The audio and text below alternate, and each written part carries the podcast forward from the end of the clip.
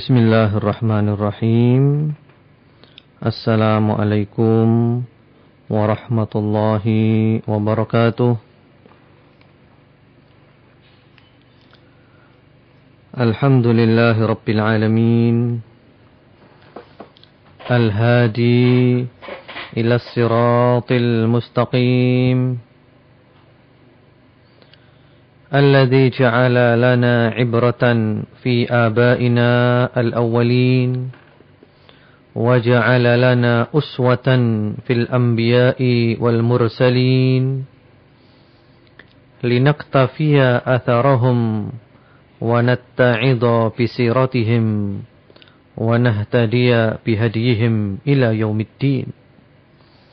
فنصبر كما صبروا ونتحمل الأذى كما تحملوا في سبيل تبليغ دعوة رب العالمين. ولنعرف ونوقن يقينا تاما أن طريق الجنة محفوف بالمكاره وأن طريق النار محفوف بالشهوات. فنسلك طريق الجنة لكي نجتمع معهم ومع من سار على هديهم في جنان رب العالمين سبحانه وتعالى. وأشهد أن لا إله إلا الله وحده لا شريك له. وأشهد أن محمدا عبده ورسوله.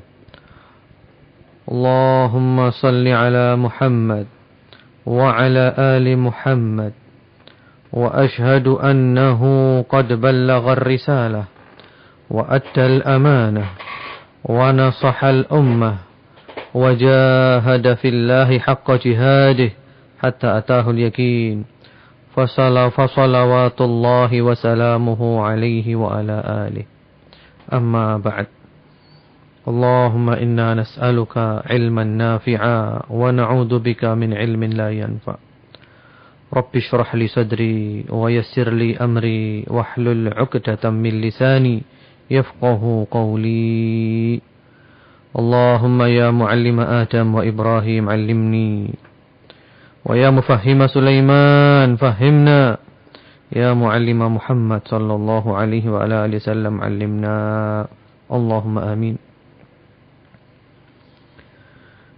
Segala puji kami panjatkan hanya untuk Allah semata, Rob sekalian alam, yang memberikan petunjuk kepada jalan yang lurus, yang menjadikan untuk kita pelajaran terhadap bapak-bapak dan nenek-nenek moyang kita yang terdahulu, dan menjadikan untuk kita suri tauladan daripada para nabi dan para rasul agar kita meniru mereka, mengambil nasihat dari sejarah mereka, mengikuti petunjuk-petunjuk mereka sampai hari kebangkitan.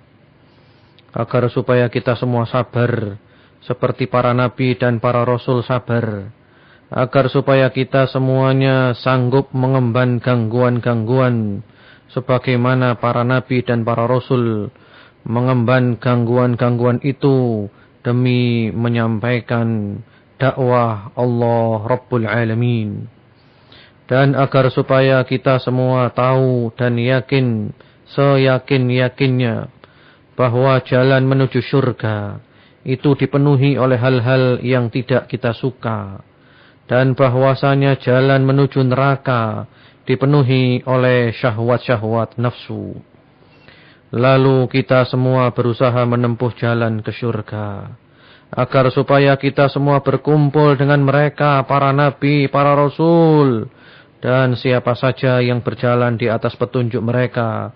Di surga-surga Allah Rabbul Alamin. Subhanahu wa ta'ala. Aku bersaksi bahwa tidak ada Tuhan yang hak kecuali Allah yang Maha Esa, tiada sekutu baginya. Dan aku bersaksi bahwa Muhammad adalah hamba dan Rasulnya. Semoga salawat dan salam Allah selalu tercurah kepadanya dan keluarganya. Aku bersaksi bahwa beliau telah menyampaikan semua risalah. Beliau telah menunaikan semua amanat. Beliau telah menasehati umat. Dan beliau telah benar-benar bersungguh-sungguh di jalan Allah. Sampai beliau datang kepada beliau kematian itu. Salawat dan salam tercurah kepadamu wahai Rasulullah sallallahu alaihi wasallam dan kepada keluargamu. Ya Allah, berilah kami ilmu yang bermanfaat yang mendekatkan diri kami kepadamu. Kami berlindung kepadamu dari ilmu yang tidak bermanfaat yang menjauhkan kami darimu. Ya Allah, yang memberikan ilmu kepada Nabi Adam dan Nabi Ibrahim berilah kami ilmu. Wahai Allah yang memberikan pemahaman kepada Nabi Sulaiman. Berilah kepada kami pemahaman. Wahai Allah yang memberikan ilmu kepada Nabi Muhammad sallallahu alaihi wasallam, berikanlah kepada kami sebagian dari ilmumu. Allahumma amin. Para pendengar setia Radio Dakwah Islamiyah di mana pun Anda berada cinta, ridho dan kasih sayang Allah subhanahu wa ta'ala selalu terlimpahkan kepada anda semuanya.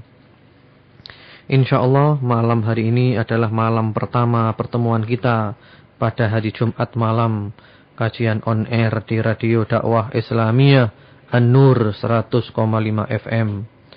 Dan insyaAllah kajian kita tiap-tiap hari Jumat malam ini setengah delapan yaitu tentang kisah-kisah para nabi. Kisah-kisah yang nanti akan disampaikan dari per, dari pertama kisah Nabi Adam sampai yang terakhir Nabi Muhammad sallallahu alaihi wasallam disampaikan dengan cara dengan metode yang mudah, yang praktis, yang sederhana agar supaya dengan mudah bisa difahami dan harapannya Mudah-mudahan kisah-kisah para nabi ini menjadi cerita alternatif. Cerita alternatif yang bisa disampaikan kepada anak-anak, anak-anak didik. Agar mereka lebih mengenal para nabi, para rasul. Dan menjadikan mereka sebagai suri tauladan. Sehingga cerita ini menjadi alternatif yang menggantikan cerita-cerita yang tidak islami atau cerita-cerita yang tidak atau kurang bermanfaat insyaallah. Allahumma amin. Para pendengar setia Radio Dakwah Islamiyah di mana pun Anda berada, cinta, ridha dan kasih sayang Allah Subhanahu wa taala selalu terlimpahkan kepada Anda semuanya kapan pun dan di mana pun Anda berada. Di dalam Al-Quran Allah subhanahu wa ta'ala banyak menyebutkan tentang kisah-kisah para nabi dan para rasul. Untuk apa? untuk agar supaya kita selalu mengingat-ingat hal itu dan mengambil pelajaran dari apa yang telah lalu. Sehingga kita menjadi tahu bagaimana Allah subhanahu wa ta'ala menyelamatkan hamba-hambanya yang beriman. Menyelamatkan hamba-hambanya yang beriman. Di antara mereka adalah para nabi dan para rasul. Untuk apa? Agar supaya kita tambah yakin, tambah mantap tambah tenang, tambah percaya kepada Allah Rabbul Alamin, Tuhan semesta alam. Dan kita pun juga tambah yakin, tambah percaya, tambah percaya bahwa jalan yang sedang kita tempuh ini adalah jalan menuju surga-surga Allah Rabbul Alamin Subhanahu wa taala. Ya, insyaallah cerita ini Mudah-mudahan bisa membimbing kita, terutama adik-adikku, anak-anakku, yang aku cintai dan aku sayangi di mana pun berada. Supaya mereka semuanya mengenal, mengetahui bagaimana dakwah para nabi dan para rasul. Bagaimana mereka itu sanggup mengemban gangguan-gangguan, rintangan-rintangan, halangan-halangan ketika mereka berada di jalan Allah. Bagaimana pula Allah menyelamatkan mereka setelah mereka benar-benar tawakal kepada Allah, mereka yakin dan iman kepada Allah.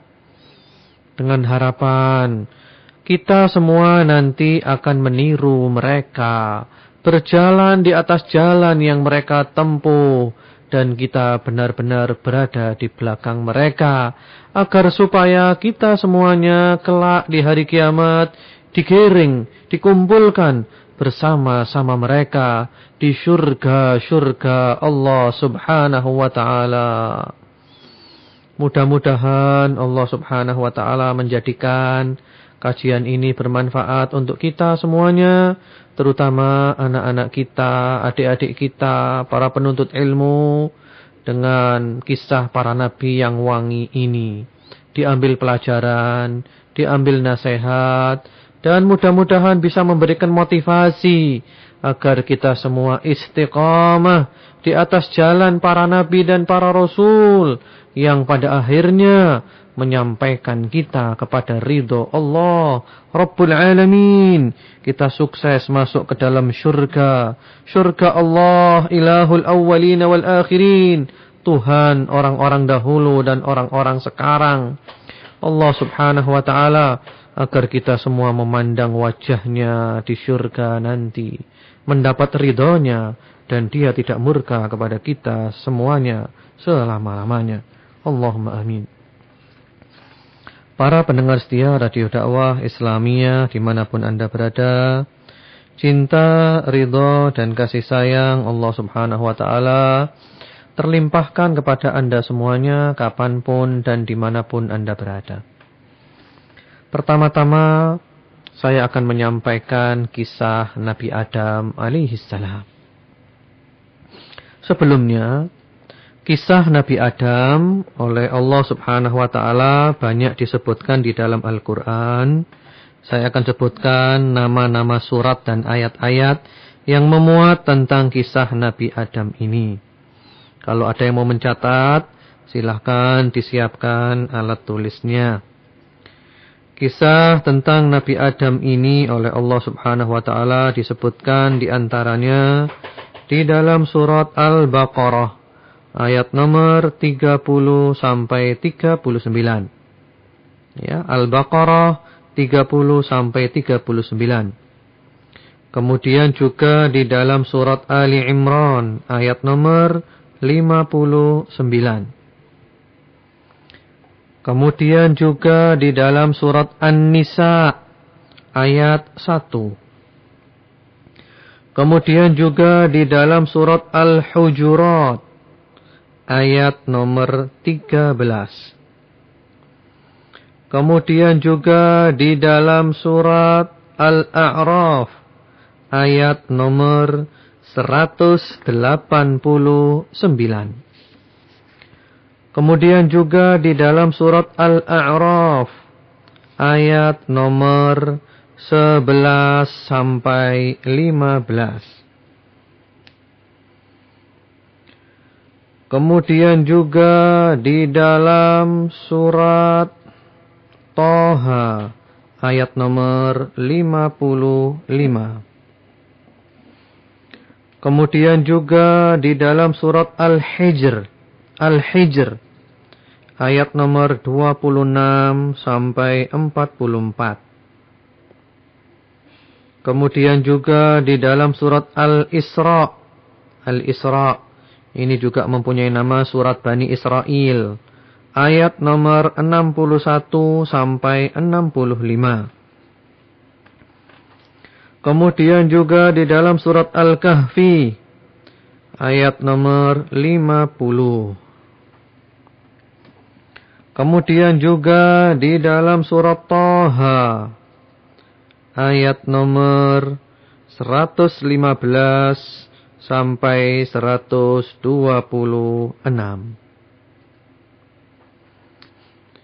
Kemudian juga di dalam surat Sod.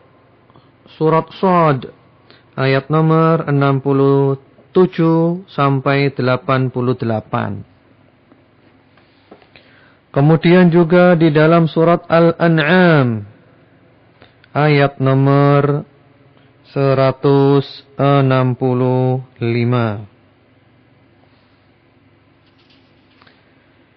Kemudian juga tentang kisah Qabil dan Habil itu ada di dalam surat Al-Maidah ayat nomor 27 sampai ayat nomor 31. Yaitu tentang nama-nama surat dan ayat yang memuat tentang kisah Nabi Adam dan yang berkaitan dengan Nabi Adam. Mari sekarang kita lihat Mari sekarang kita masuk kepada kisah Nabi Adam alaihi salam. Para pendengar setia Radio Dakwah Islamiyah di mana pun Anda berada, semoga cinta, ridho, dan kasih sayang Allah subhanahu wa ta'ala terlimpahkan kepada Anda semuanya, terutama kepada adik-adikku, anak-anakku di mana pun mereka berada, yang aku cintai dan aku sayangi, Ketahuilah bahwa Allah subhanahu wa ta'ala dia adalah yang telah menciptakan alam semesta ini yang demikian hebat.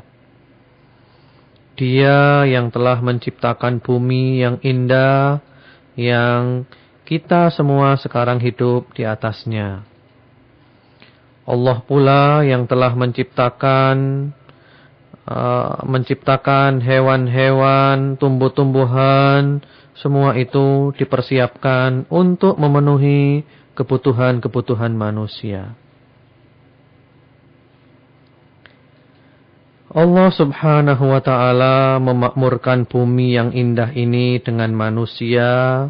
Dan Allah pula telah menundukkan segala yang ada di muka bumi ini untuk uh, kepentingan manusia sehingga saling melayani sebagian mereka terhadap sebagian yang lain. Masing-masing manusia mempunyai peranan dan tugas dalam kehidupan di dunia ini. Ada orang yang menjadi insinyur, yang kemudian dia membuat tata kota.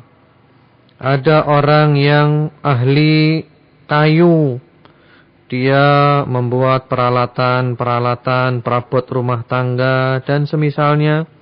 Ada pula yang ahli menjahit, dia menjahit pakaian-pakaian dan demikian seterusnya. Masing-masing manusia itu mempunyai tugas, mempunyai peranan yang dia ahli dalam bidang itu dalam kehidupan dunia ini. Kemudian manusia yang semuanya seperti itu saling bahu-membahu, bantu-membantu, saling gotong royong, sehingga dunia ini menjadi makmur. Dunia ini menjadi uh, indah dan manusia semuanya mendapatkan bahagia dan sukses di dunia itu. Kalau benar-benar mereka saling membantu, saling menolong, dan bergotong royong. Juga agar supaya yang kuat tidak mendolimi yang lemah. Agar supaya yang ambisius tidak menguasai orang yang kurang pandai. Agar supaya tidak terjadi yang seperti itu, tidak terjadi kekacauan, maka Allah mengirim, mengutus para nabi dan para rasul. Yang pertama adalah Adam, Nabi Adam alaihi salam. Yang mana tugas para nabi dan para rasul itu semuanya sama. Apa tugasnya? Tugasnya adalah mengajak manusia agar supaya mereka semuanya beribadah kepada Allah Subhanahu wa taala saja. Allah yang Maha Esa tiada sekutu baginya dan juga agar supaya semua manusia itu berhukum dengan hukum syariat Allah yang adil. Agar semua manusia itu mengenal, mengetahui karunia Allah, lalu bersyukur atas nikmat-nikmat Allah yang sangat banyak.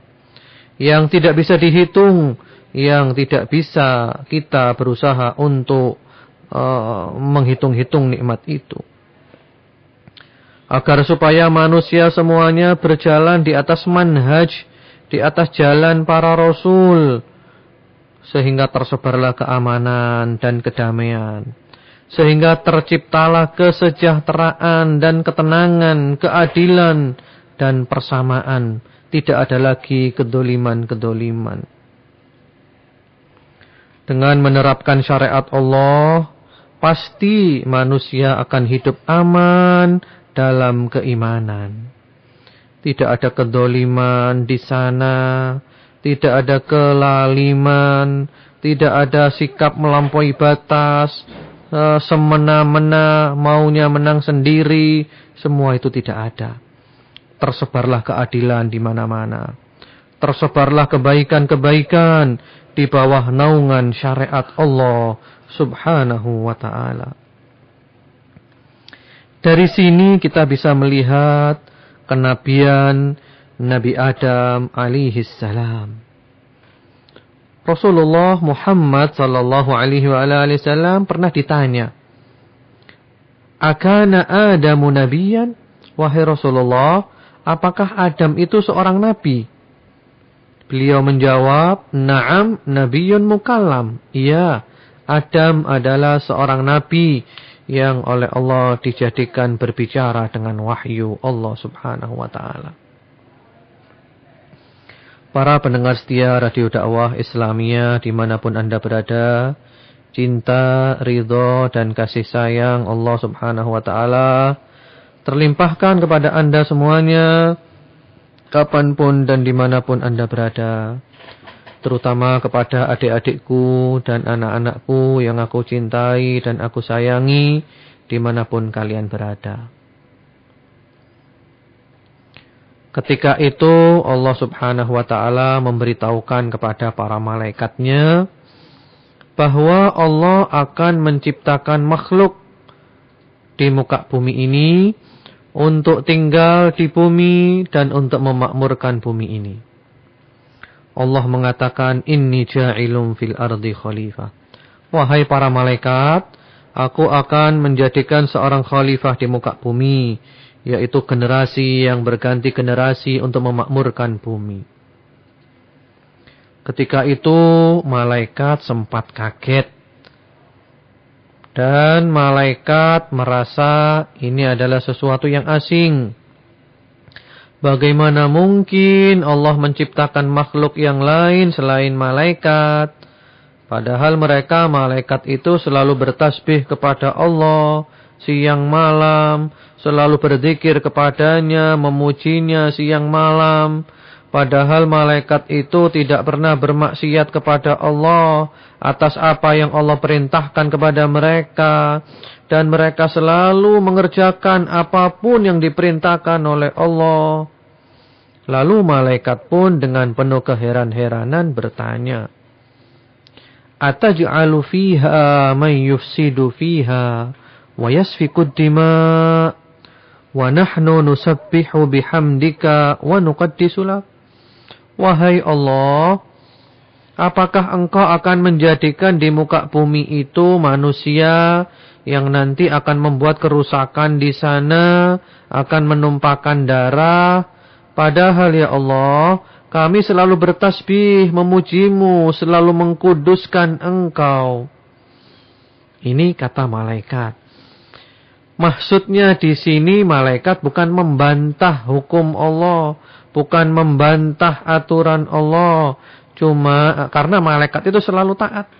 Malaikat selalu taat, malaikat tidak pernah membangkang, selalu taat, selalu tunduk, selalu patuh.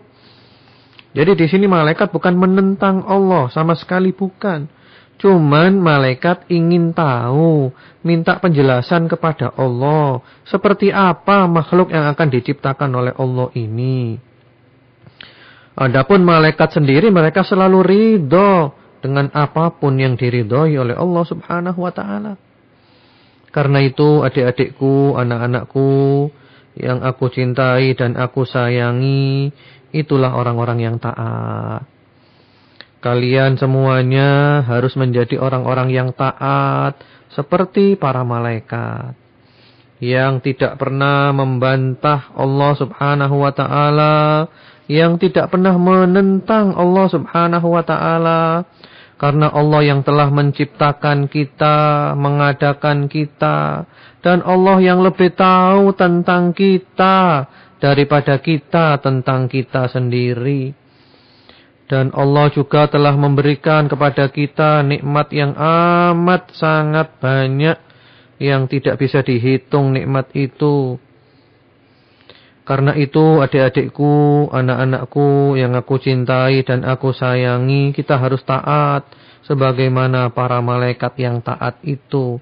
Taat yang total, tunduk yang total kepada Allah Subhanahu wa taala, Rabbul Alamin, Tuhan semesta alam. Oh, alangkah senangnya kalau kita bisa menjadi seperti sifatnya malaikat itu meniru seperti malaikat itu yang selalu tunduk, selalu taat kepada Allah sehingga kita semuanya mendapatkan ridho Allah dan kita semuanya masuk ke dalam syurga Allah Subhanahu wa taala. Insyaallah. Allahumma amin. Kemudian setelah para malaikat bertanya dengan penuh keheranan itu Allah menjawab kata Allah Inni a'lamu ma la ta'lamun. Wahai para malaikat, aku mengetahui apa yang tidak kamu ketahui. Karena memang Allah itu tahu semuanya. Rahasia kita Allah tahu, yang tersembunyi Allah tahu semua perkara. Mulai dari yang paling besar sampai yang paling kecil. Allah tahu semuanya. Kemudian apa ya rahasianya? Apa ya rahasia yang diketahui oleh Allah yang tidak diketahui oleh malaikat tentang Nabi Adam atau tentang anak cucu Nabi Adam di kemudian hari? Apa ya rahasianya? Maka jawabannya adalah rahasianya supaya manusia itu apabila nanti dia beriman, dia bertakwa, dia berjalan di atas jalan Allah yang lurus. Dia ikhlas semata-mata karena Allah dalam semua amal ibadahnya. Bahkan dalam semua aktivitasnya. Dia beribadah kepada Allah sampai datang ajal. Maka dia akan mendapatkan kedudukan yang sangat tinggi di sisi Allah subhanahu wa ta'ala. Bahkan kedudukan manusia itu akan menjadi lebih tinggi dari kedudukan malaikat. Kalau manusia itu uh, berjalan di atas jalan Allah yang benar. Sebagaimana para nabi dan para rasul. Terutama adalah Rasulullah Muhammad sallallahu alaihi wasallam. Kedudukan beliau di atas para malaikat. Tinggi sekali kedudukannya. Tapi kebalikannya kalau manusia itu jauh dari jalan Allah yang lurus. Dia durhaka kepada Allah di muka bumi ini. Dia bergelimang dalam dosa, dalam noda, dalam kesalahan, dalam kedoliman, dalam kefasikan, dalam perbuatan yang melampaui batas sampai mati. Maka manusia itu akan turun derajatnya dengan serendah-rendahnya, sehina-hinanya. Bahkan adik-adikku dan anak-anakku, manusia yang seperti ini akan lebih rendah derajatnya dari binatang. Dia keluar dari sifat kemanusiaannya. Dia keluar dari ajaran-ajaran agama. Dan Allah mengatakan tentang manusia model-model seperti ini Kata Allah, ulaika kal an'ami balhum adall. Mereka itu seperti binatang ternak, bahkan mereka lebih sesat dari binatang ternak. Para pendengar setia Radio Dakwah Islamia di mana pun Anda berada, cinta, ridho, dan kasih sayang Allah Subhanahu Wa Taala selalu terlimpahkan kepada Anda semuanya, kapan pun dan di mana pun Anda berada terutama adik-adikku dan anak-anakku yang aku cintai dan aku sayangi. Mari adik-adik milih yang mana, anak-anak pilih yang mana.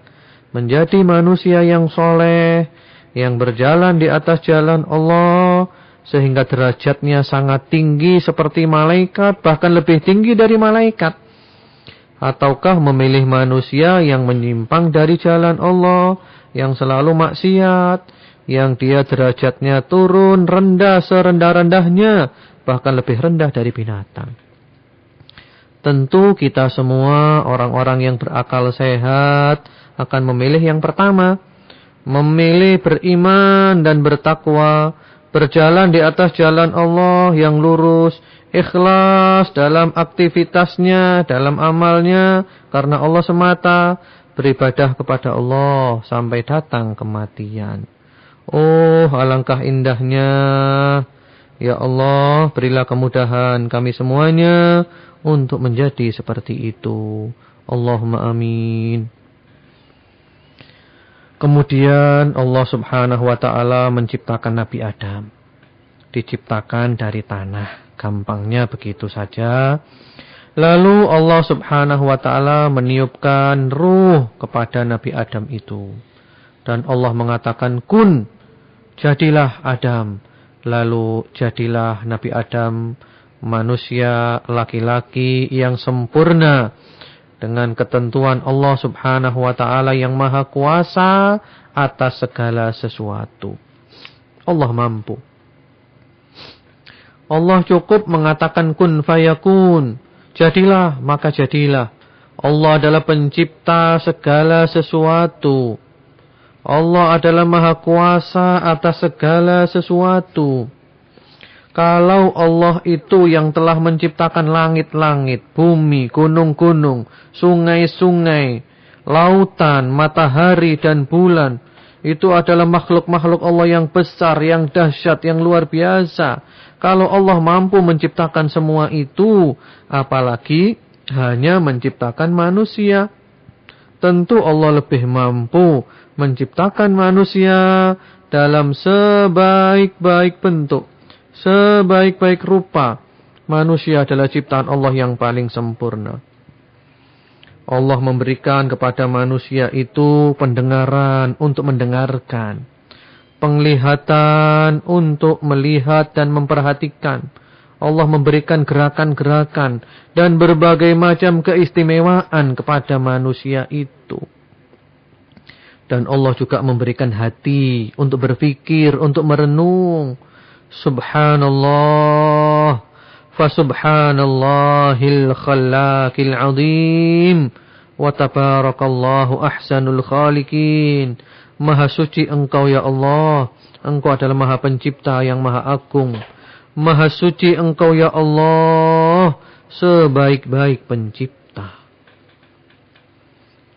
Kemudian setelah Allah subhanahu wa ta'ala menciptakan Nabi Adam, Allah mengajarkan kepada Nabi Adam itu semua nama-nama.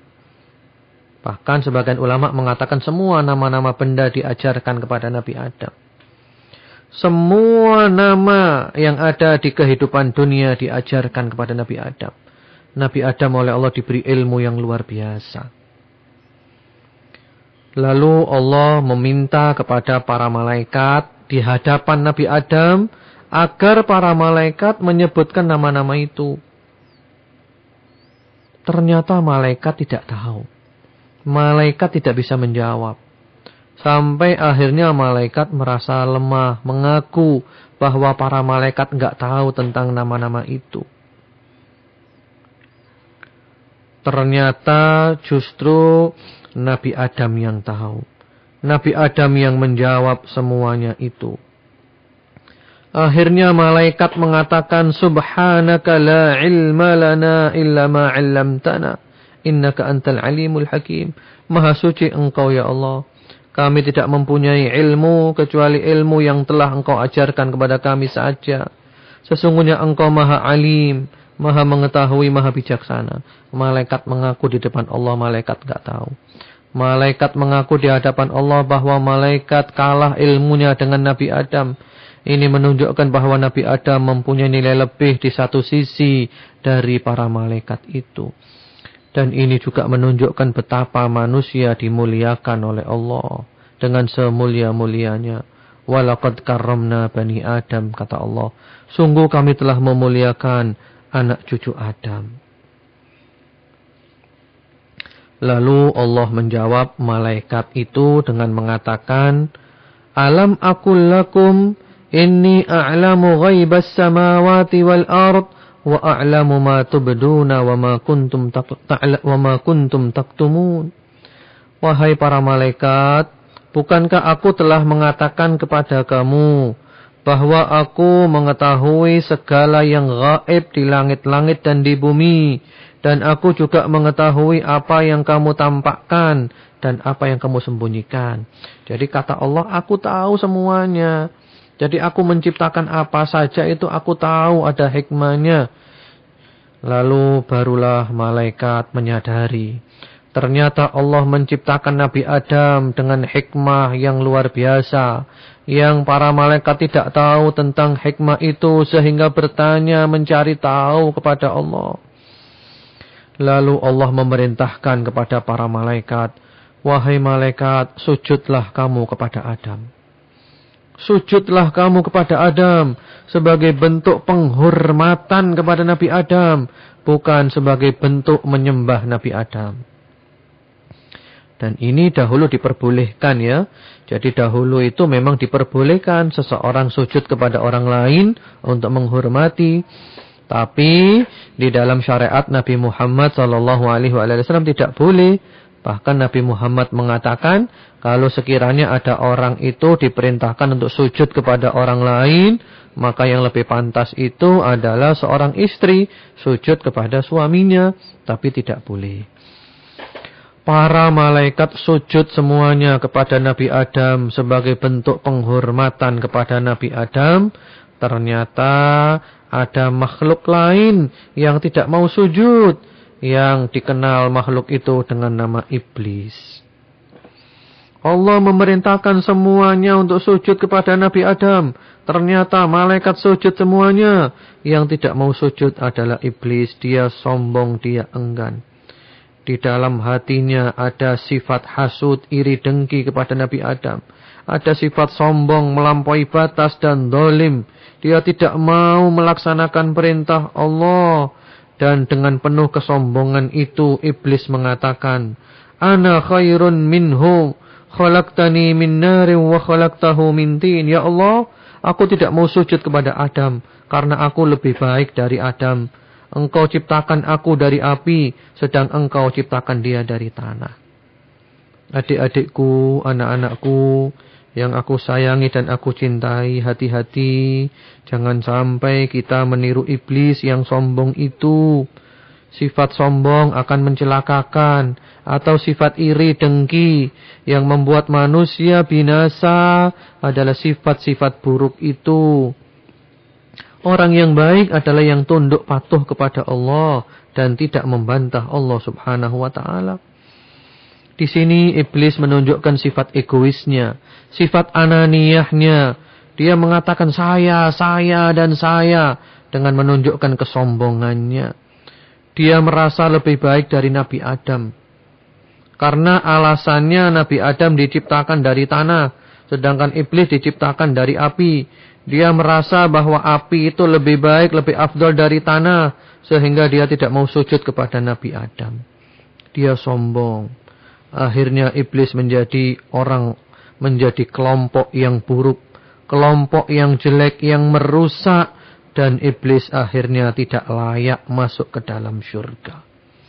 Mula-mula di dalam syurga karena kesombongannya, kecongkaannya dan sifat iri dengkinya membantah Allah dikeluarkan oleh Allah dari syurga.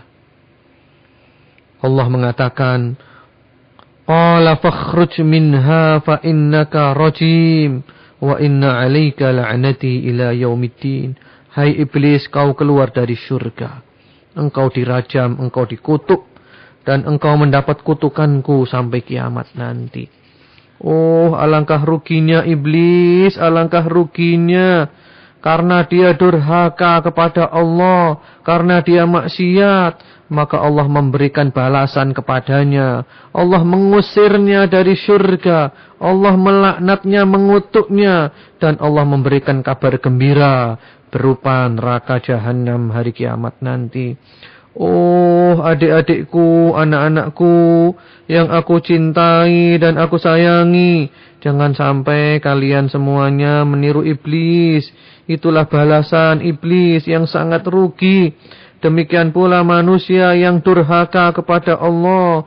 Yang membangkang tidak mau tunduk kepada aturan Allah. Oh alangkah rugi manusia seperti itu dia akan mendapatkan murka Allah, akan mendapatkan kebencian Allah karena dia selalu bergelimang dalam kemaksiatan-kemaksiatan.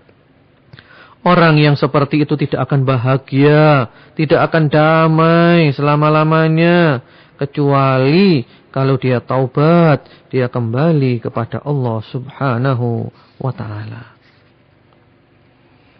Kemudian para pendengar setia Radio Dakwah Islamia di mana pun anda berada. Cinta, ridho, dan kasih sayang Allah subhanahu wa ta'ala. Semoga selalu terlimpahkan kepada anda semuanya. Kapan pun dan di mana pun anda berada. Terutama kepada adik-adikku, anak-anakku. Yang aku cintai dan aku sayangi di mana pun kalian berada.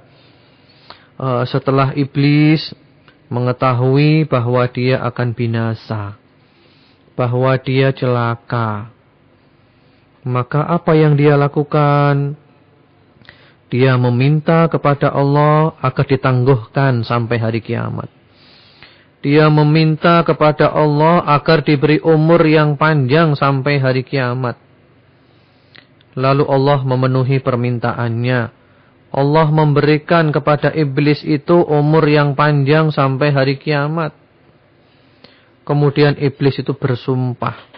Bersumpah dengan menyebut nama Allah bahwa dia akan menyesatkan manusia semuanya. Qala fa bi'izzatika la'ughwiyannahum ajma'in. Kata iblis, demi keperkasaanmu wahai Allah, Aku pasti akan menyesatkan manusia semuanya. Aku akan menipu manusia semuanya dengan berbagai macam sarana, dengan berbagai macam cara, dari segala penjuru, dari semua sisi. Aku akan memberikan was-was di dalam hatinya untuk dia supaya berbuat keburukan, berbuat kejahatan, sehingga manusia itu tidak akan masuk ke dalam surga, sehingga manusia itu dikeluarkan dari surga. Subhanallah, ini adalah sumpah iblis dan kita harus hati-hati.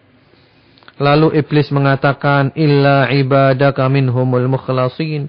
Ya Allah, kecuali hamba-hambamu yang ikhlas. Hamba-hambamu yang beriman, yang jujur, yang soleh, yang baik. Orang-orang yang ikhlas, yang jujur, yang baik, yang beriman. Mereka tidak akan bisa disesatkan oleh iblis. Mereka tidak akan bisa dipengaruhi oleh iblis. Karena mereka selalu waspada. Mereka selalu hati-hati.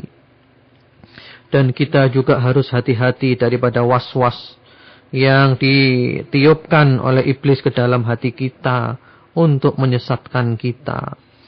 Kita semua harus selalu berlindung kepada Allah, bergantung kepada Allah, meminta agar Allah menjaga kita, melindungi kita, menolong kita, membantu kita dari musuh kita ini iblis dan daripada pengikutnya dari kalangan setan-setan manusia, setan-setan jin yang selalu mengajak kepada jalan kerusakan, yang selalu menghiasi yang batil-batil agar tampak seakan-akan hak.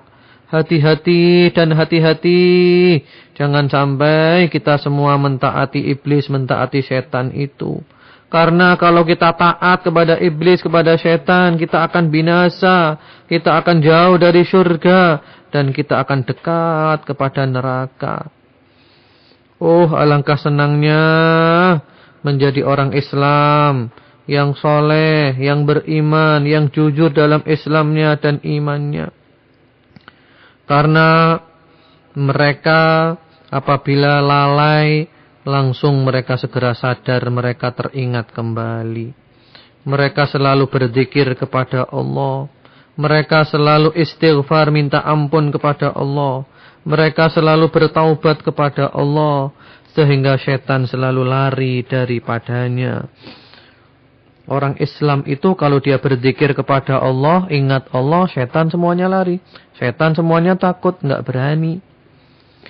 Marilah para pendengar setia Radio Dakwah Islamia di mana pun anda berada, cinta, ridho dan kasih sayang Allah Subhanahu Wa Taala selalu terlimpahkan kepada anda semuanya, terutama kepada adik-adikku, anak-anakku, yang aku cintai dan aku sayangi semuanya di mana pun anda berada. Kalau seandainya kita digoda oleh setan, baik setan manusia atau setan jin, maka hendaklah kita cepat-cepat kembali kepada Allah. Kita taubat kembali kepada Allah. Segera Allah maha pengampun, Allah maha penyayang. Allah menerima taubat hamba-hambanya yang selalu bertaubat kembali kepadanya. Dan kita harus khawatir, hati-hati untuk terus-menerus dalam kelalaian, terus-menerus dalam kemaksiatan. Karena orang yang seperti itu akan binasa, akan menyesal, akan rugi, tidak akan damai dan bahagia. Ya, ternyata tanpa terasa sudah 46 menit pembicaraan tentang Nabi Adam. Sebenarnya materi ini masih berlanjut, belum selesai. Tapi kita tangguhkan saja sampai waktu hari Jumat depan insya Allah. Kita akan berbicara kelanjutannya tentang penciptaan Ibunda Hawa. Kemudian juga nanti tentang kisah Qabil dan Habil. Mudah-mudahan cerita ini bermanfaat menjadi cerita alternatif untuk kita semuanya, untuk anak-anak kita, anak-anak didik kita, dan semoga bisa diambil manfaat yang banyak daripadanya. Allahumma amin. Wa sallallahu wa sallam ala nabiyyina Muhammadin wa ala alihi. Alhamdulillahirrahmanirrahim Mitra pengaji 100,5 Dakwah Islam yang FM tentunya baru saja materi disampaikan oleh pemateri kita Ustaz Abdullah Hadromi dan di kesempatan malam hari ini kami buka di sesi pertanyaan bagi Anda yang ingin bertanya. Anda bisa langsung gabungan dengan kami di SMS Center di 081 334 183 554. Dan sembari kami tunggu buat Anda yang ingin gabungan, kami bacakan SMS yang sudah masuk di SMS Center. Dan SMS yang pertama, Assalamualaikum warahmatullahi wabarakatuh. Saya cuma ingin menyampaikan rasa kangen sama Ustadz Al-Hadromi sebab satu bulan ke Jakarta. Jadi saya betul kangen dengan pengajian Ustadz. Sebab banyak hikmah dan ilmu yang saya dapat. Moga bisa dipraktekkan dalam kehidupan sehari-hari dan bisa menambah keimanan saya. Amin. Makasih banyak. Moga Allah membalas semua kebaikan Ustaz. Ya, Waalaikumsalam warahmatullahi wabarakatuh. Alhamdulillah wassalatu wassalamu ala Rasulillah wa ala alihi amma ba'd. Allahumma amin atas doa-doanya. Semoga dikabulkan oleh Allah Subhanahu wa taala dan semoga Allah memberikan kebaikan doa-doa Anda kepada Anda dan kepada semuanya. Alhamdulillah, semoga hidup kita bermanfaat. Semoga Allah menjadikan kita semua istiqamah sampai berjumpa dengan Allah Subhanahu wa taala. Allahumma amin. Assalamualaikum Ustaz yang dilindungi Allah. Saya baru saja dapat SMS dari orang yang begini. Allah aku cinta engkau dan aku butuh engkau dan disuruh mengirim ke 10 orang. Dan katanya bila dikirimkan ada keajaiban malam ini. Gimana Ustaz? Terima kasih. Waalaikumsalam warahmatullahi wabarakatuh. Amin atas doanya. Semoga Allah memberikan perlindungan kepada anda dan kepada semuanya. Itu tidak benar ya. Kalau dikirim ke 10 orang lalu bisa ada keajaiban malam ini itu tidak benar. Adapun isi SMS-nya benar. Allah aku cinta engkau dan aku butuh engkau itu benar. Cuman ketika diperintahkan untuk mengirimkan ke 10 orang dan katanya ada keajaiban itu tidak benar. dan itu tidak perlu dilaksanakan. Ya. Assalamualaikum Ustaz Abdullah yang dirahmati Allah Subhanahu wa taala. Ustaz, tadi saya tertinggal mencatatnya dalam surat Al-Hijj dan pada surat Al-Isra terdapat pada ayat berapa? Jazakumullah khair. Kasih. Ya, Waalaikumsalam warahmatullahi wabarakatuh. Amin atas doa-doanya. Semoga rahmat kasih sayang Allah Subhanahu wa taala terlimpahkan kepada Anda dan kepada semuanya. Tadi surat Al-Hijr, Al-Hijr itu ayat 26 sampai 44. Al-Hijr 26 sampai 44 dan surat Al-Isra ayat 61 sampai 65. Ya, mudah-mudahan jelas. Fadol, silakan. Assalamualaikum Ustaz Abdullah yang dirahmati Allah Subhanahu wa taala. Ustaz, apakah boleh memberi nama anak kita dengan nama Adam dan Hawa? Dan apakah boleh juga memberi nama anak Sofa dan Marwa? Jazakumullah khair. Waalaikumsalam warahmatullahi wabarakatuh. Amin atas doanya. Semoga rahmat kasih sayang Allah Subhanahu wa taala terlimpahkan kepada anda dan kepada semuanya. Jadi kita boleh ya memberi nama anak kita. Kalau laki diberi nama Adam. Kalau perempuan diberi nama Hawa. Itu boleh, tidak apa-apa. Demikian pula memberi nama anak kita dengan nama Sofa, Marwah. Itu boleh. Dan itu nama-nama anak perempuan biasanya. Tidak mengapa, boleh itu.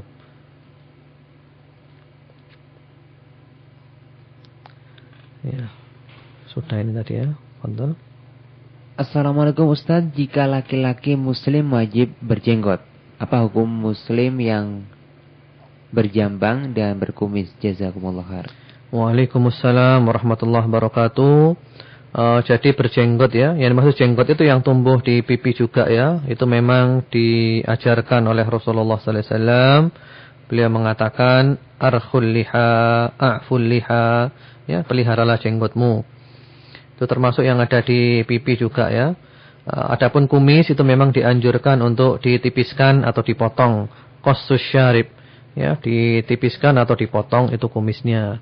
Itu yang uh, disunahkan, diajarkan oleh Rasulullah wasallam dan banyak hikmahnya di antaranya supaya uh, orang laki itu uh, lebih tampak lebih tampak terhormat, lebih tampak berwibawa dan lebih tampak ke laki-lakiannya dan berbagai macam hikmah-hikmah yang lainnya.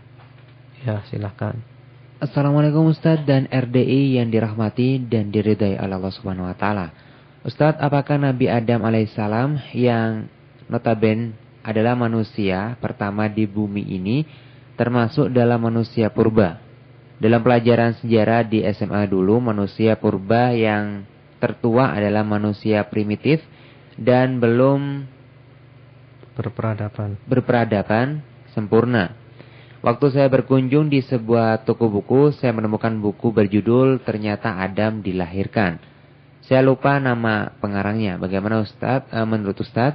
Terima kasih atas jawabannya Ustaz. Jazakumullah khairan. Wassalam. Waalaikumsalam warahmatullahi wabarakatuh. Amin atas doa-doanya. Semoga rahmat kasih sayang Allah dan ridho Allah tercurahkan kepada Anda dan kepada semuanya. E, mengenai sejarah ya, sejarah itu memang banyak versi. Namun kita sebagai orang Islam, orang beriman, kita mengikuti versi yang benar, versi Al-Quran dan As-Sunnah yang dipahami dengan pemahaman salafus soleh, dengan pemahaman para sahabat, tabi'un dan tabi'ut tabi'in mengenai manusia purba dan yang lain-lainnya itu tidak benar. Kalau Nabi Adam dikatakan seperti itu, primitif dan semisalnya. Karena kalau yang kita yakini sesuai dengan Al-Quran dan As-Sunnah atau hadith itu, Nabi Adam adalah manusia seutuhnya, bukan primitif. Beliau Nabi, beliau Rasul. Dan bahkan juga kalau menurut uh, teori Darwin, itu manusia itu berasal dari kera, dari kera. Itu enggak benar. Karena manusia itu berasal dari Nabi Adam, anak cucu Nabi Adam. Maka dari itu Allah mengatakan, Ya Bani Adam, wahai anak cucu Adam. Ya Bena Adam, wahai anaknya Nabi Adam. Jadi kita bukan berasal dari kera, tapi dari Nabi Adam. Itu teori Darwin terbantahkan. Jadi tidak benar ya. Jadi sejarah yang Anda pelajari di mana saja, di SMA, di SMP atau di mana saja, tetap diukur menurut Al-Quran dan As-Sunnah. Yang tentu dipahami dengan pemahaman yang benar, pemahaman salafus soleh. Kalau sesuai, maka diterima. Kalau nggak sesuai, justru menyimpang, ya harus ditolak. Jadi Nabi Adam itu bukan manusia primitif, bukan manusia kera dan semisalnya. Uh, beliau adalah manusia seutuhnya, beliau nabi, beliau mendapat wahyu seperti itu. Apalagi juga ada buku yang berjudul ternyata Adam dilahirkan. Nah, kalau judulnya sudah menyesatkan karena kalau kita baca di Al-Qur'an, di hadis, di mana saja di eh, kitab-kitab Islam eh, mengatakan Nabi Adam itu bukan dilahirkan, tapi diciptakan oleh Allah dari tanah yang kemudian Allah meniupkan ruh dan mengatakan kun jadilah lalu jadi Nabi Adam. Memang sekarang ini kita harus lebih waspada karena sekarang ini buku-buku itu banyak di toko-toko buku yang jelas-jelas eh, yang eh, ada yang baik, ada yang tidak baik. Kita harus hati-hati kalau mau membaca jangan sampai pikiran kita dan hati kita ini kita masuki hal-hal yang tidak baik yang menyimpang karena akan menimbulkan syubhat keraguan-raguan, kebimbangan. Bacalah dan dengarkan yang sudah pasti baiknya dan sudah aman. Jadi sekarang ini kita lebih uh, perlu lebih waspada lagi. Sekarang ini zaman fitnah, banyak penyimpangan, banyak kekacauan dan semoga Allah menyelamatkan Anda dan kita semuanya. Allahumma amin. Assalamualaikum Ustaz Abdullah dan kru RDI yang kami cintai dan rindu karena Allah. Ustaz, apakah yang dimaksud dengan Nabi Adam berbicara dengan firman yang dijelaskan oleh Nabi Sallallahu Alaihi Wasallam ketika beliau ditanya? Terima kasih Ustaz dari Rudi. Waalaikumsalam warahmatullahi wabarakatuh. Amin Mas Rudi. Semoga Allah mencintai Anda. Allah semoga menyayangi Anda menjadikan Anda dan kita semua istiqomah.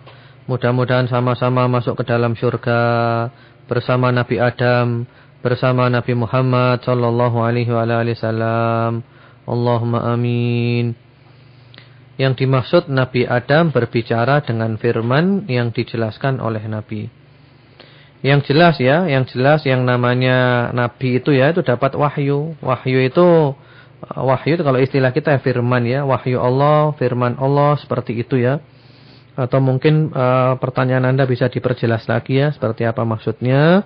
Uh, yang jelas pada intinya para nabi, para rasul itu diberi wahyu. Wahyu dan kalau istilah kita wahyu itu ya bisa diartikan firman Allah. Seperti Al-Qur'an itu kan wahyu Allah, firman Allah, kalamullah seperti itu. Ya, silakan. Assalamualaikum warahmatullahi wabarakatuh Pak Ustadz yang saya cintai karena Allah Semua Nabi diberi risalah untuk menyampaikan agama Allah Apakah kita diperbolehkan hanya melaksanakan ajaran Nabi tersebut Tanpa harus menyampaikan kepada orang lain Syukron wassalam Ya, waalaikumsalam warahmatullahi wabarakatuh Ahabbaka alladhi ahbabtani fi Semoga Allah mencintai anda Sebagaimana anda mencintai saya Karena Allah subhanahu wa ta'ala jadi para nabi diberi risalah untuk menyampaikan agama Allah. Ya. Mengenai nabi dan rasul itu memang ada beberapa definisi. Yang masyhur kalau nabi itu diberi wahyu tapi tidak diperintahkan untuk menyampaikan. Kalau rasul diberi wahyu dan diperintahkan untuk menyampaikan. Ini yang masyhur. Namun ada definisi yang lainnya bahwa Nabi dan Rasul itu sama-sama dapat wahyu dan sama-sama diperintahkan untuk menyampaikan. Cuman bedanya kalau Rasul itu membawa risalah baru. Kalau Nabi tidak membawa risalah baru, tapi meneruskan Rasul yang sebelumnya atau Rasul yang ada. Adapun kita, kita tidak boleh, uh, tidak boleh kita menyimpan ilmu. Ya, kita mengamalkan dan tidak boleh menyimpan, harus menyampaikan. Rasulullah Muhammad SAW mengatakan, Balighu anni walau ayat. Sampaikan olehmu dari aku walaupun satu ayat. Dan umat Islam ini mendapat keutamaan karena umat Islam ini umat yang selalu berdakwah. Amar ma'ruf nahi mungkar. Kuntum khaira ummatin ukhrijat linnas. Ta'muruna bil ma'ruf. Wa tanhauna 'anil munkar wa tu'minuna billah. Umat Islam, umat Nabi Muhammad SAW adalah umat terbaik. Kenapa? Karena mereka berdakwah, menyuruh kepada yang ma'ruf, melarang dari yang mungkar, dan beriman. Jadi disampaikan ya, dakwah, dakwah itu wajib di mana pun kita berada. Tidak harus di masjid, nggak harus di majelis ta'lim, di mana pun kita berdakwah, di pasar, di rumah, di kantor, di kampus, di sekolahan, dakwah semampunya dengan ucapan dan juga dengan perbuatan. Insya Allah. Ya, Fadol silakan. Assalamualaikum Ustaz.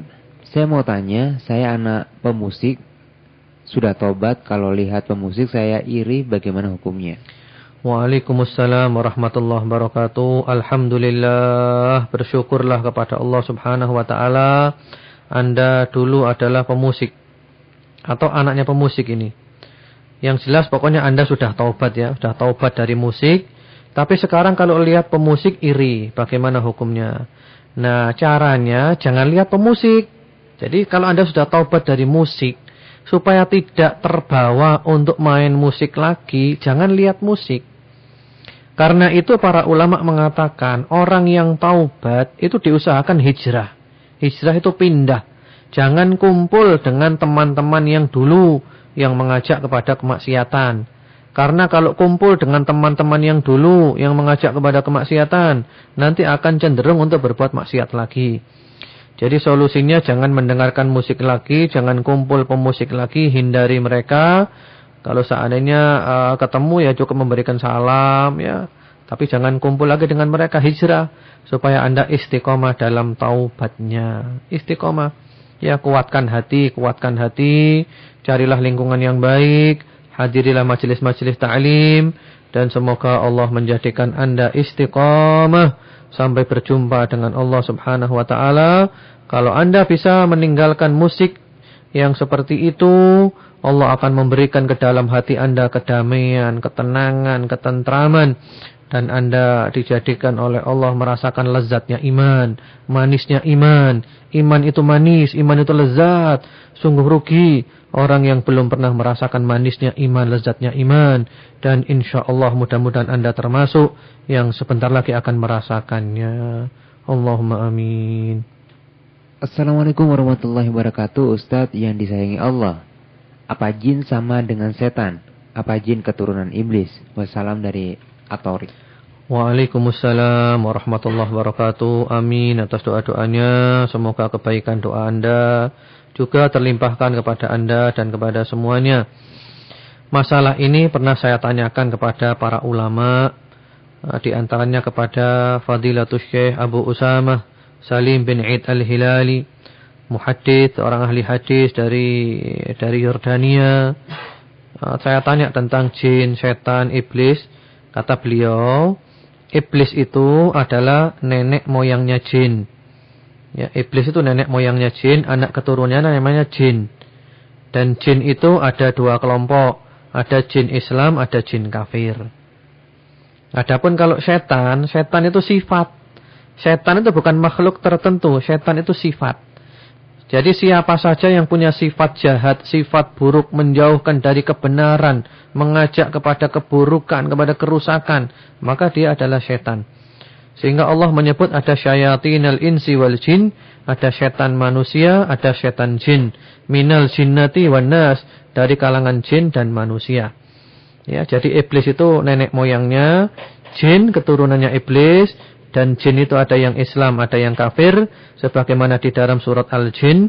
Adapun setan itu sifat, ya, sifat yang jahat, yang menjauhkan dari kebenaran itu setan, baik manusia atau jin sama saja. Yang sifatnya begitu, maka dia adalah setan. Ya, semoga jelas dan bermanfaat. Allahumma amin. Assalamualaikum warahmatullahi wabarakatuh. Saya sekarang sudah menjalin hubungan dengan istri orang. Sebelumnya saya tidak tahu statusnya. Setelah tahu saya selalu sial terus. Apa itu hukuman dari Allah? Bagaimana solusinya? Syukron. Waalaikumsalam warahmatullahi wabarakatuh. Ini di luar materi ya. Iya. Nanti ditanyakan aja ketika kajian uh, hari Rabu pagi ya, keluarga Sakinah itu ditanyakan saja. Yang jelas Anda harus taubat kepada Allah dengan taubatan nasuha, menyesal, tidak berbuat lagi, janji tidak akan mengulangi selama-lamanya dan minta maaf dan semoga Allah memberikan jalan keluar yang terbaik. Allahumma amin. Fadal. Assalamualaikum Ustaz yang aku cintai untuk menghilangkan rasa was-was. Ya, Waalaikumsalam warahmatullahi wabarakatuh. Semoga Allah mencintai Anda sebagaimana Anda mencintai saya karena Allah. Untuk menghilangkan rasa was-was dilawan ya, dilawan jangan diikuti, dilawan dan dikuatkan hatinya. Ya, misalnya kalau was-was dalam hal wudhu, setelah selesai wudhu ketika mau sholat, itu setan memberi was-was. Tadi tanganmu belum kena air. Nah, itu jangan dihiraukan. Terus saja sholat. Karena kalau nanti kita uh, wudhu lagi, ketika mau sholat setan memberi waswas nanti kita wudhu lagi, nanti kita tambah sakit. Jadi dilawan, dikuatkan hatinya, jangan diikuti dan insya Allah waswas akan segera sembuh. Dan juga yang banyak membaca surat Al-Falaq dan surat An-Nas. Ya, surat Qul a'udzu birabbil falaq dan Qul a'udzu birabbin nas. Insyaallah mudah-mudahan Allah menyembuhkan Anda dari was-was itu. Allahumma amin. Assalamualaikum warahmatullahi wabarakatuh. Ustaz Uhibbuka fillah. Kalau boleh minta alamat emailnya Ustaz. Jazakumullah khairan kasir. Wassalamualaikum. Waalaikumsalam warahmatullahi wabarakatuh. Ahabbaka alladhi ahbabtani fi. Ya, Alamat email saya ABD ABD Hadrami.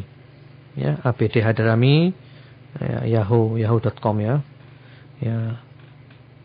Fadol ini mungkin yang terakhir Abdullah ya. Iya. Assalamualaikum Ustadzku yang aku cintai karena Allah. Maaf keluar dari materi mohon dijelaskan tentang hadis yang biasa diputar di penutup RDI Di rahim Di rahim, nasib baik dan buruk dan seterusnya. Jazakumullah khair Waalaikumsalam warahmatullahi wabarakatuh. Uh, Ahabbakalladi ahbabtani fi. Semoga Allah mencintai anda Sebagaimana anda mencintai saya Karena Allah subhanahu wa ta'ala. E, Mengenai hadis itu Sudah pernah dijelaskan ya itu ya Di kajian Arba'in Nawawi Tentang tahapan-tahapan penciptaan manusia. Ya insya Allah silahkan nanti anda minta aja kepada Kepada penyiarnya Supaya di supaya diulang kembali penjelasannya masalah takdir. Panjang lebar penjelasannya nggak bisa singkat. Ya saya kira mungkin cukup itu dulu. Mari kita tutup dengan berdoa kepada Allah Subhanahu wa taala. Semoga Allah Subhanahu wa taala mengabulkan doa-doa kita. Bismillahirrahmanirrahim. Alhamdulillahirabbil alamin. Allahumma salli ala Muhammad wa ala ali Muhammad wa sallim tasliman katsiran اللهم يا الله يا ربنا لك الحمد. اللهم ربنا لك الحمد كما ينبغي لجلال وجهك العظيم وعظيم سلطانك. سبحانك لا نحصي ثناء عليك. أنت كما أثنيت على نفسك. فلك الحمد حتى ترضى ولك الحمد إذا رضيت ولك الحمد بعد الرضا. Ya Allah puja dan puji kami panjatkan hanya kepadamu. Curahkan salawat dan salamu kepada Nabi Muhammad dan keluarga Nabi Muhammad. Ya Allah kami memujimu dengan pujian-pujian yang selayaknya bagimu. Sesuai dengan keagungan wajahmu dan kebesaran kerajaanmu. Ya Allah pujian kami, kami panjatkan untukmu ya Allah. Pujian yang selayaknya untukmu. Walaupun kami yakin pujian-pujian kami belum mencapai yang sepenuhnya untuk diberikan kepadamu. Ya Allah kami memujimu sampai engkau ridho. Sehingga engkau ridho dan setelah engkau ridha. Ya Allah. Allahumma hsyurna ma'al anbiya wal mursalin fi jinani rabbil fi jinanika ya rabbal alamin. Ya Allah kumpulkan kami, kiringlah kami, masukkanlah kami ke dalam syurgamu bersama-sama para nabi, para rasul semuanya. Ya Allah di sampingmu ya Allah bersama rasulmu Muhammad sallallahu alaihi wasallam. Ya Allah, jadikanlah kami orang-orang yang jauh dari sifat sombong seperti iblis, dari sifat hasud seperti iblis. Jadikanlah kami mempunyai sifat seperti malaikat yang selalu taat, selalu tunduk, selalu patuh. Ya Allah, berikanlah kami ilmu sebagaimana ilmu yang kau berikan kepada Nabi Adam itu. Ya Allah, bimbinglah kami untuk selalu istiqamah di atas jalanmu, di atas sunnah NabiMu Muhammad sallallahu alaihi wasallam. Allahumma rizukna thabat wal istiqamah. Allahumma amitna al-islami was sunnah. Ya Allah berilah kami rezeki berupa keteguhan dan istiqamah. Ya Allah matikan kami dalam Islam dan sunnah. Allahumma inna nas'aluka husnal khatimah. Wa na'udzubika min su'il khatimah. Ya Allah kami mohon kepadamu husnul khatimah. Dan kami berlindung kepadamu dari su'ul khatimah. Rabbana atina fid dunya hasanah. Wa fil akhirati hasanah wa kina adhaban nar. Wa sallallahu ala nabiyyina Muhammadin wa ala alihi. سبحان ربك رب العزة أما يصفون وسلام على المرسلين والحمد لله رب العالمين. اللهم آمين. سبحانك اللهم بحمدك أشهد أن لا إله إلا أنت أستغفرك وأتوب إليك. والسلام عليكم ورحمة الله وبركاته.